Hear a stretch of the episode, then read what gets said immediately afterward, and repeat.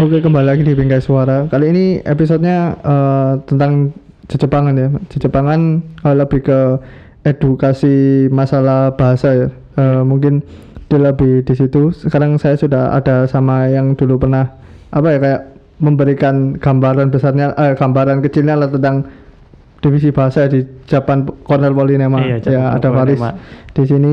Oke, eh Faris ini kita kan eh, mau ngulik sih, ngulik eh, bahasa Hmm. bagaimana apa ya belajar bahasa Jepang itu gimana sih kayak eh, awalnya kan ada stratanya kan kata N1, N2, N3, N4. Nah, kita mulai dari N1 dulu ya. N1 ini apa saja eh, detail fokusnya yang mau di di apa ya kayak di present buat yang mau belajar ini. Oh ya, untuk sebelumnya kalau untuk tingkatan sendiri untuk N1 sampai N5 itu kan ada di JLPT. Nah, Hmm. paling dasar paling dasar itu di N5. Paling dasar dari N5 mana? N5. Jadi Oh. N1 itu udah paling tingkat tinggi. Oh, berarti Tingkat oh, masternya. Oke, oke, oke. Berarti gitu ya. Berarti kalau balik gitu ya modelnya. Iya. Oh ya. Jadi N5 dulu untuk dasarnya untuk N1 udah paling atasnya. Kalau Hmm. untuk N5 sendiri itu lebih fokus untuk awalnya ya. Ah, awalnya. Paling kita fokus ke hiragana katakana dulu Oh. sama kanjinya. Oke, hiragana katakana kanji ini apa nih maksudnya? Hiragana katakana kanji itu adalah huruf Jepang. Jadi untuk hiragana sendiri sama katakana itu paling hal wajibnya, hal wajib yang harus diingat. Hmm. Semuanya ha- harus wajib dari dari gabungannya sama ya semua tulisannya. Jadi sekit hiragana itu sekitar ada 40 huruf. 40 huruf. Iya, Ah. sama katakana juga sekitar ada 40 huruf. Kalau untuk kanji, kanji itu bisa sampai 4 ribuan, Oh. 4 ribu huruf. Oh, oh, oh. Tapi kalau untuk L5 sendiri itu sekitar 200-an.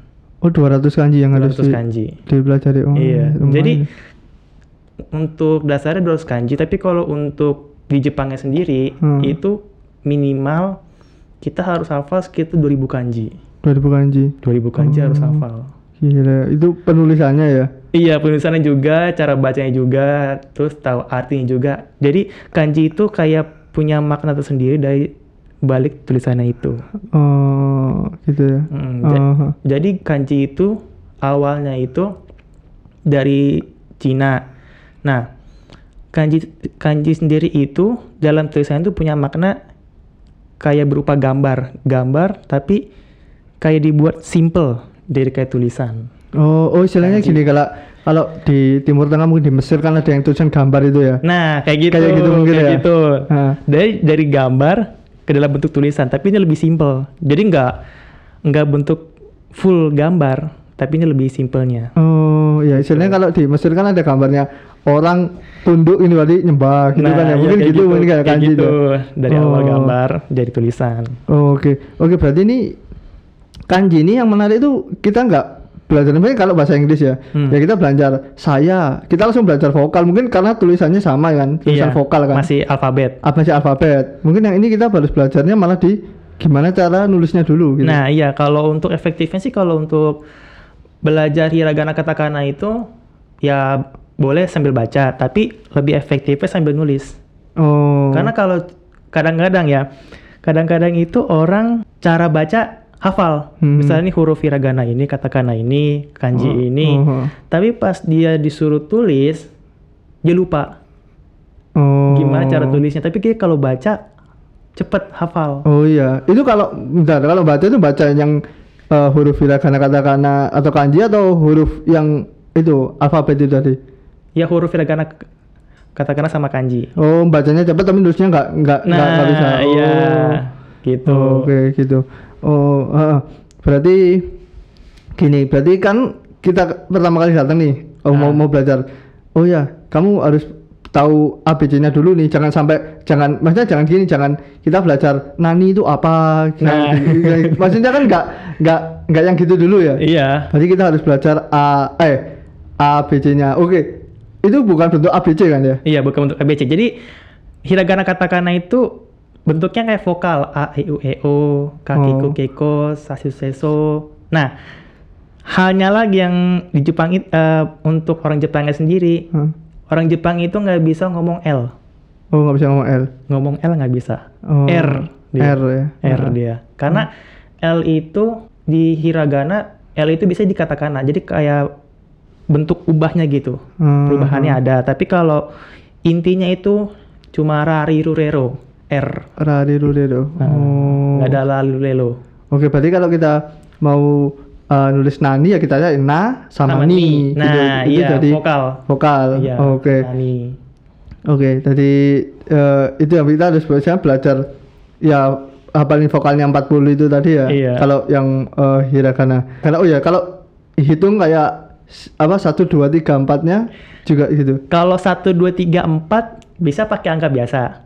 Heeh. Tapi eh, bisa juga kayak dipersingkat jadi pakai kanji. Oh, Gitu, pakai kanji juga bisa. tapi tapi sa- eh, tetap maksudnya kalau 12 ya kita bikin kanjinya 1 12 gitu. Iya bisa. 12 pakai angka bisa, pakai kanji bisa. Tapi kalau contohnya kayak 100, 1000, kan tuh kan nolnya banyak tuh. Heeh. Nah, jadi di kanji itu bisa jadi bisa dipersingkat pakai kanji. Oh, jadi kayak Indonesia ada kakak itu kan ya. Nah, kayak gitu. 1K, 2K. 1K, 2K, tapi Oh. pak- pakai kanji. Oh. Gitu caranya. Oh ya ya. Oke. Berarti ini aku sempat bingung ya maksudnya kayak apa ya orang eh, orang Jepang itu susah bahasa Inggris.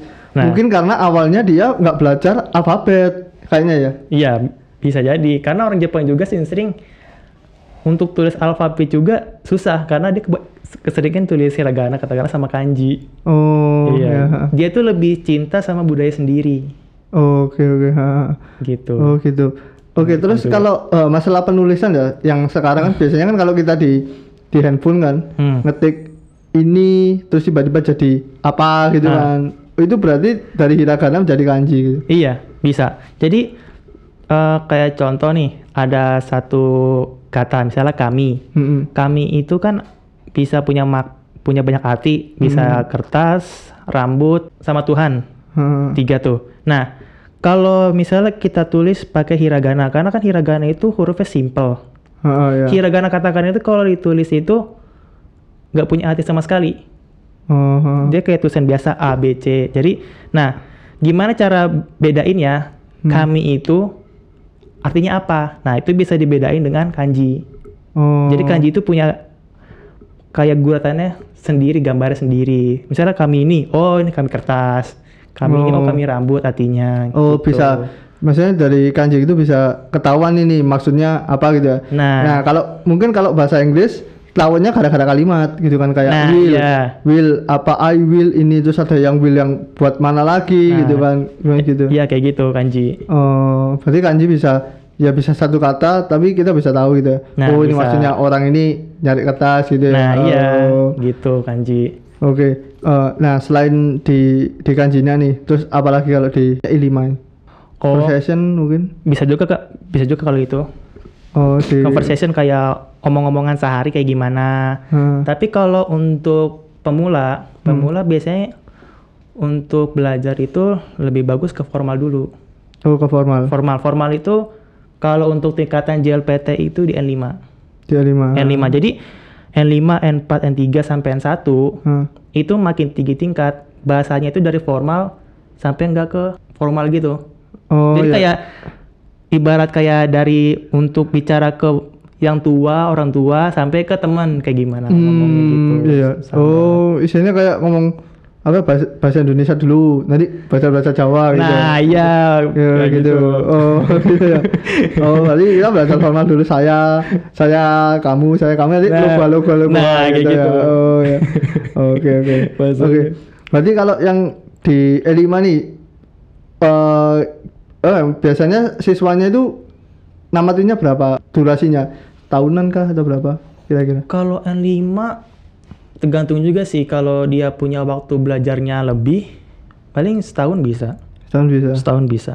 Dan itu harus tesnya di Tesnya kalau untuk di Malang itu biasanya di UB. di UB. Di UB. Di UB itu un- untuk JLPT itu biasanya dua kali setahun. Oh, dua kali setahun. Bulan Juli sama bulan Desember.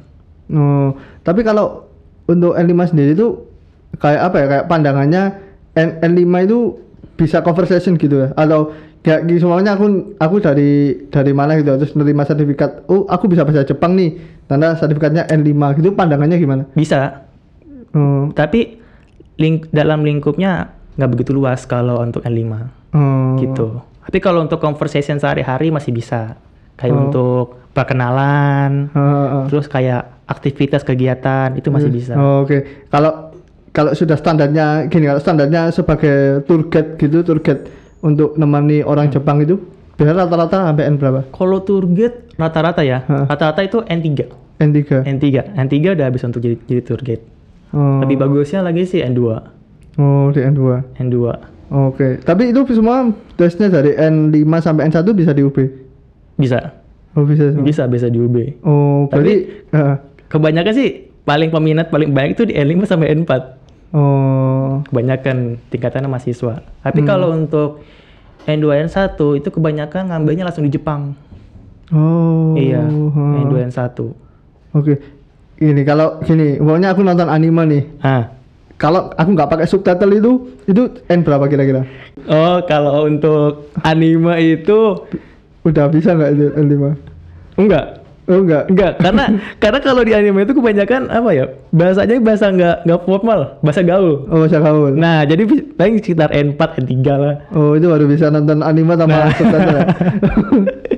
Eh, ya kan bukan pada impian kan. Iya, maksudnya kan kalian oh, nonton ini, wah kan nonton artinya loh, aku N3 juga gitu kan. Oke, oke, berarti kita kembali ke N5, berarti tipsnya nih dari kamu apa nih, maksudnya biar cepet, maksudnya biar apa ya, pelajarannya N5 ini nyampe semua gitu. Nyampe semua. Hah. Paling kalau untuk JLPT kan yang ada cuma reading aja, reading sama listening. Jadi writing itu nggak ada untuk Hmm, menulis. Jadi kalau untuk lebih hafalnya lagi bisa sambil tulis juga biar lebih hafal di kepala banget gitu. Hmm. Sambil baca juga.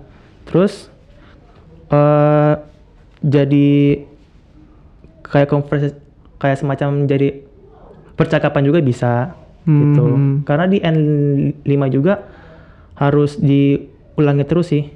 Jadi walaupun jadi ada kayak semacam kanji juga. Hmm. Jadi jadi si kanjinya di dalam tes N5 itu ada kanji dari misalnya dari N3, tapi itu tetap ada bantuan namanya furigana Oh, gitu. Jadi kanji di atasnya ada ada ada kayak tiga huruf atau enggak dua huruf dari hiragana. Hmm. Jadi bisa bantu baca. Gitu. Udah gitu hafalin juga kayak vocabnya oh, kayak kata benda, kata kerjanya apa yang sering keluar gitu. oh, oke. Oh ya, terus yang tadi kan kalau di apa N5 kan kanjinya minimal 200 ya, oh, enggak, Ya, standarnya ya, 200 kan ya? 200-an, ah. Nah itu apa ya maksudnya untuk membuat sebuah kanji dari hiragana itu apa emang udah terstruktur maksudnya kayak kita bikin L sama P jadi L-nya P-nya di atas gitu Ah. maksudnya gitu apa terstruktur atau emang harus harus apalan nih benar-benar apalan iya, harus hafalan. harus apalan Udah struktur. Jadi ada kayak kamus itu kan dalam bentuk kanji eh, apa? Kanji itu kayak bentuk kamusnya gitu. Hmm. Jadi kayak kamus bahasa Indonesia, tapi ini kayak kamus kanji, tebelnya sama. oh Jadi oh. satu huruf ada satu huruf itu jadi satu kanji. Jadi kanji itu punya makna sendiri. Kayak nama orang Jepang. Orang Jepang itu kan namanya pakai kanji. Jadi Hmm. misalnya ada ada apa dua kanji atau tiga kanji di nama orang Jepang tersebut. Nah, itu ada artinya oh dari nama itu. Kayak apa? Nama kita sendirilah. Heeh. Nama kita sendiri kan ada artinya. Iya, kalau alfabet kan semuanya kita ambil nulis apa. Hmm. Jadi ada garis A, B, A. Dan jadi apa gitu. ya. Apa. Nah, kalau kanji itu kita nulis dari hiragana ya. Iya. Umpamanya satunya lurus, Ah. satunya miring 45 derajat, satunya satunya lurus lagi. Nah. Itu untuk jadi kanji itu apa dari dari garis-garis itu jadi satu sama, maksudnya ada struktur itu atau beda lagi nanti gambarnya? Struktur, Struktur. struktur.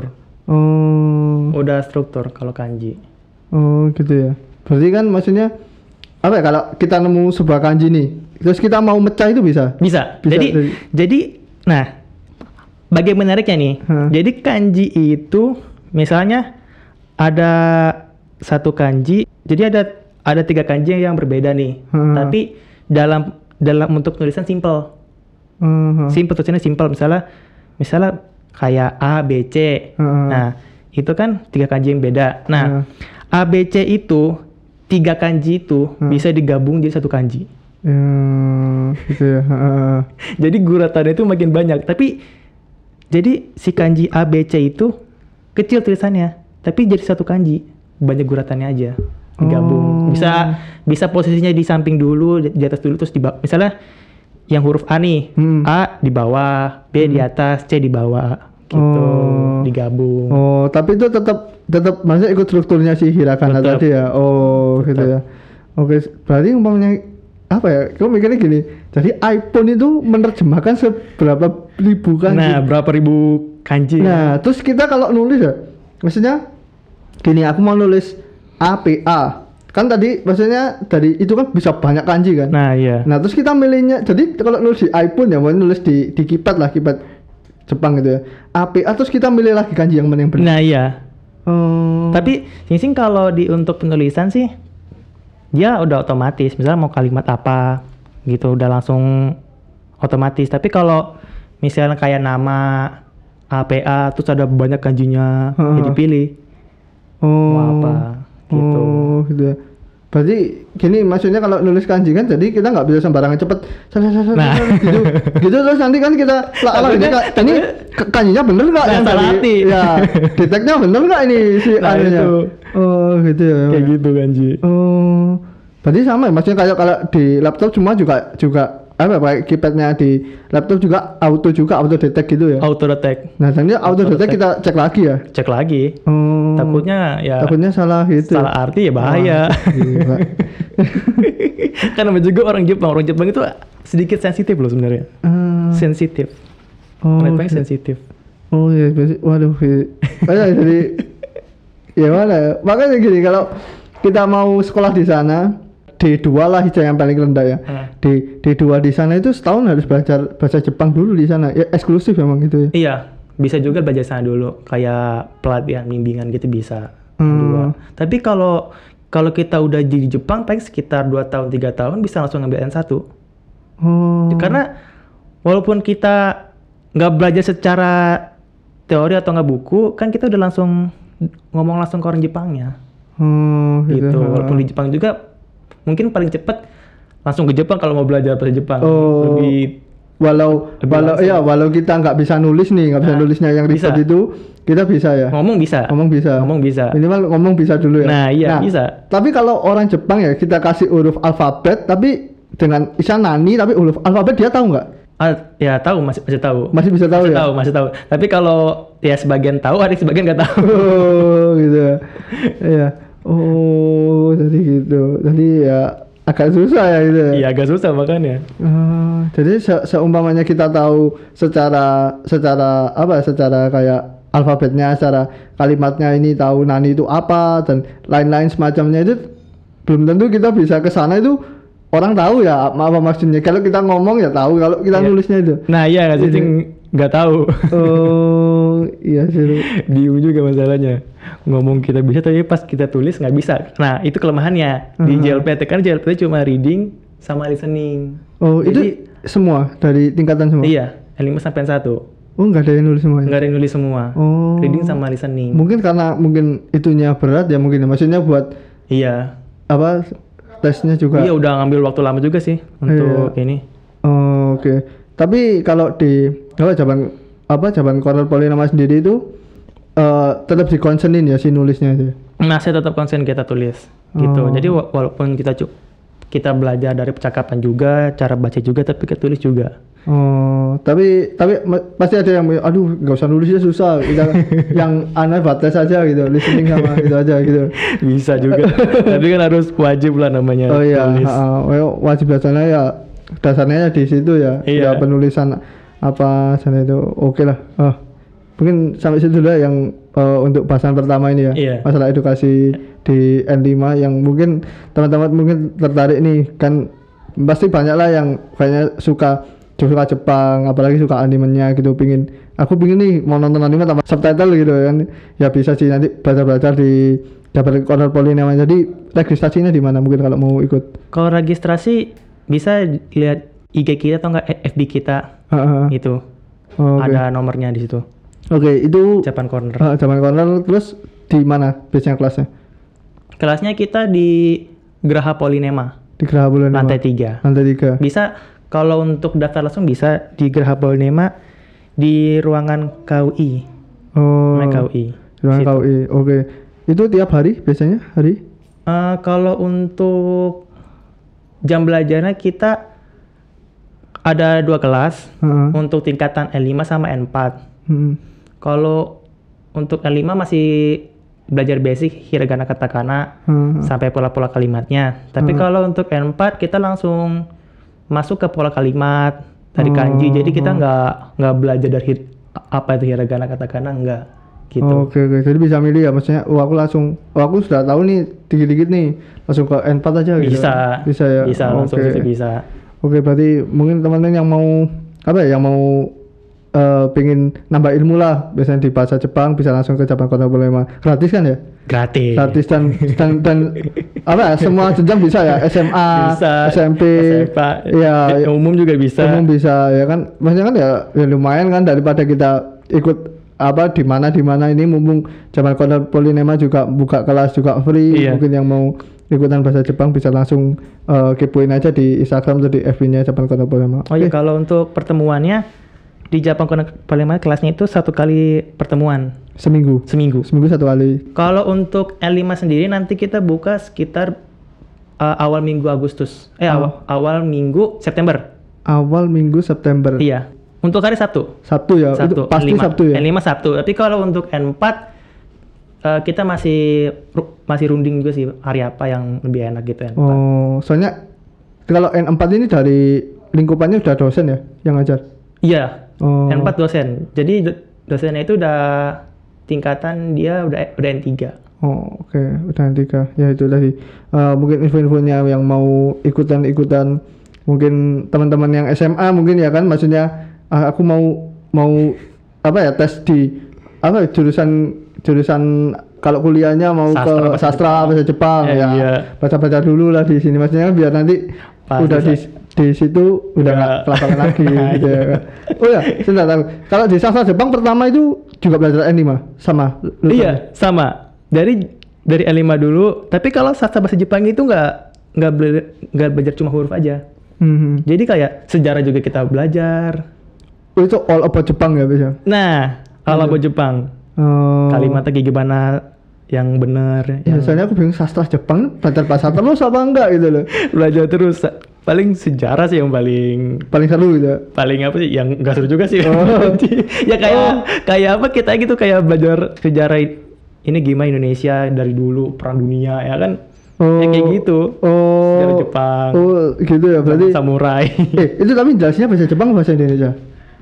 Kalau di bukunya sama jelasinnya. bahasa Indonesia Bahasa Indonesia. Bahasa Indonesia. Oh, Oke, masih masih aman lah ya. Kalau langsung, oh, kita kalau di sastra Jepang ini bahasa Jepang semua kita harusan. Maksudnya untuk bisa juga bisa juga. bisa juga jadi kalau dalam kayak ini kayak kita ujian bahasa Indonesia kayak ada bentuk teks kalimat gitu berparagraf nah, tapi itu pakai bahasa Jepang Oh. kayak gitu bisa Oh. udah gitu dimasukin ke topik sejarah ntar siapakah yang membunuh siapa pakai pertanyaan bahasa Jepang terus isinya bahasa Jepang Oh, oke oke. bisa juga Oke oke. Heeh. Ya itu tadi apa ya kayak ya kilasannya mengenai belajar di kampus sastra Jepang ya. Mungkin yang Iya. mungkin yang mau mau tertarik ya nanti juga bisa langsung datang di kelas bahasanya apa ya kayak awal-awalnya ya datang aja ke kelas bahasanya dulu kita belajar bahasa dulu. Eh, Tapi di school SMA ada kan ya rata-rata? SKL SMA ada untuk klub Jepang Oh, itu emang konsep belajar Jepang. enggak juga sih kalau kalau dulu saya pernah di klub bahasa Jepang juga Hah. tapi dia lebih fokus ke budayanya Oh, ke budaya, ke kulturnya Budayanya. berarti ya. kulturnya lebih fokus tapi kalau huruf juga bisa sih tapi kebanyakan kalau huruf itu peminatnya sedikit Oh iya, dia belajar belajar formal kan. nah iya formal masalahnya. Yang yang nggak ke mana-mana. Maksudnya kalau ini kan wah ini pasti kita nonton di video lihat-lihat ini Nah, maksudnya kan, belajar itu. itu. Kalau kultur budaya kan- iya. Aku yang pernah nemuin sih ada apa ya kayak akademis Jepang itu di SMK 1 Singosari. Hmm. dia di teknik kan ada teknik. Iya. Teknik kan rata-rata kan bahasa Jepang kan? Nah iya kalau Iya. teknik teknik itu adanya kan ya kita kan brandnya Indonesia kan brand Jepang Iya, ya brand namanya Jepang. kayak alat beratnya Komatsu gitu Nah, kan iya. ya kan shop manualnya Jepang-Jepangan Jepang semua. Nah, itu kayaknya yang aku baru pernah tahu yang dimasuk pendidikan formalnya sih di SMK 1, nggak tahu sih kalau SMA lain ada. ya. Ya, ya itu sih mungkin ya eh eh, perbincangan saya sama Faris untuk mengenai eh, awal mau belajar untuk bahasa Jepang. Iya, bahasa Jepang. E5-nya gimana ya. Nanti next next mungkin yang lebih expert lagi ya. Ya mungkin nggak sama aku paling nggak PPS untuk ngomongnya aku juga awam gitu ya. Oke, Iya, iya. ya, eh, pantengin terus saja Bingkai Suara. Ya, Bingkai Suara nanti kita turun sekolah juga.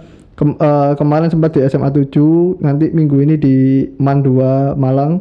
Nanti nggak tahu di minggu depannya ke mana aja, mungkin ke sekolah-sekolah teman-teman ya siapa jadi. Oke, thank you.